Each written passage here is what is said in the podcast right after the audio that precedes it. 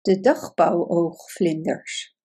De heel gewone kleine juffrouw Vlinder zat op een dag in een struik toen meneer Pauw kwam aanlopen met zijn staart wijd gespreid.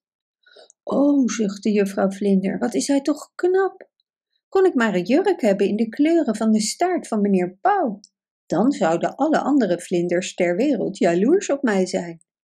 Maar kijk mij hier, slechts een eenvoudig wezentje, zonder enige kleur om over op te scheppen, terwijl al mijn neven en nichten prachtig gekleurde jurken hebben.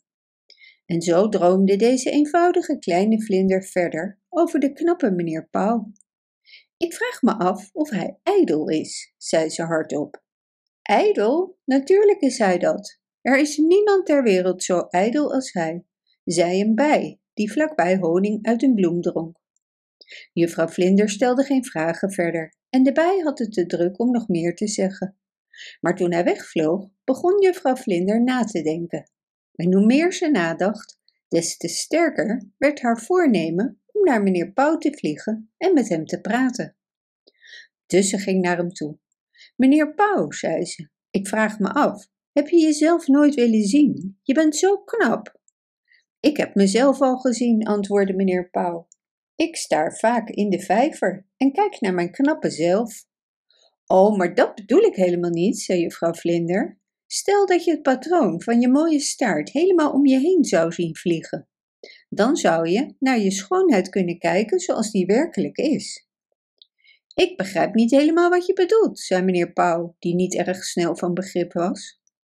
Ik bedoel, als je mij twee mooie veren uit je mooie staart zou geven, zou ik een mooiere jurk kunnen hebben dan welke andere vlinder dan ook ter wereld, zei de kleine vlinder, terwijl ze charmant lachte. Je zou de geelzwarte vlinders niet meer horen. En die bruinzwarte vlinders die zeggen dat ze de mooiste wezens in de tuin zijn, zou je ook niet meer horen. Ik zou ze allemaal overtreffen. Meneer Pauw stond op en stapte rond. En de hele tijd vloog de kleine juffrouw Vlinder dicht naar hem toe en vleide hem met mooie praatjes. Oh, wat zouden ze jaloers zijn als ik een jurk had, net zo als jouw mooie staart. Want er zijn geen andere kleuren in de wereld die zo prachtig zijn. Ze zouden me dan de dagpauwoogvlinder noemen. Denk daar eens over na. De mooiste vlinder ter wereld zou naar jou vernoemd zijn, meneer Pauw.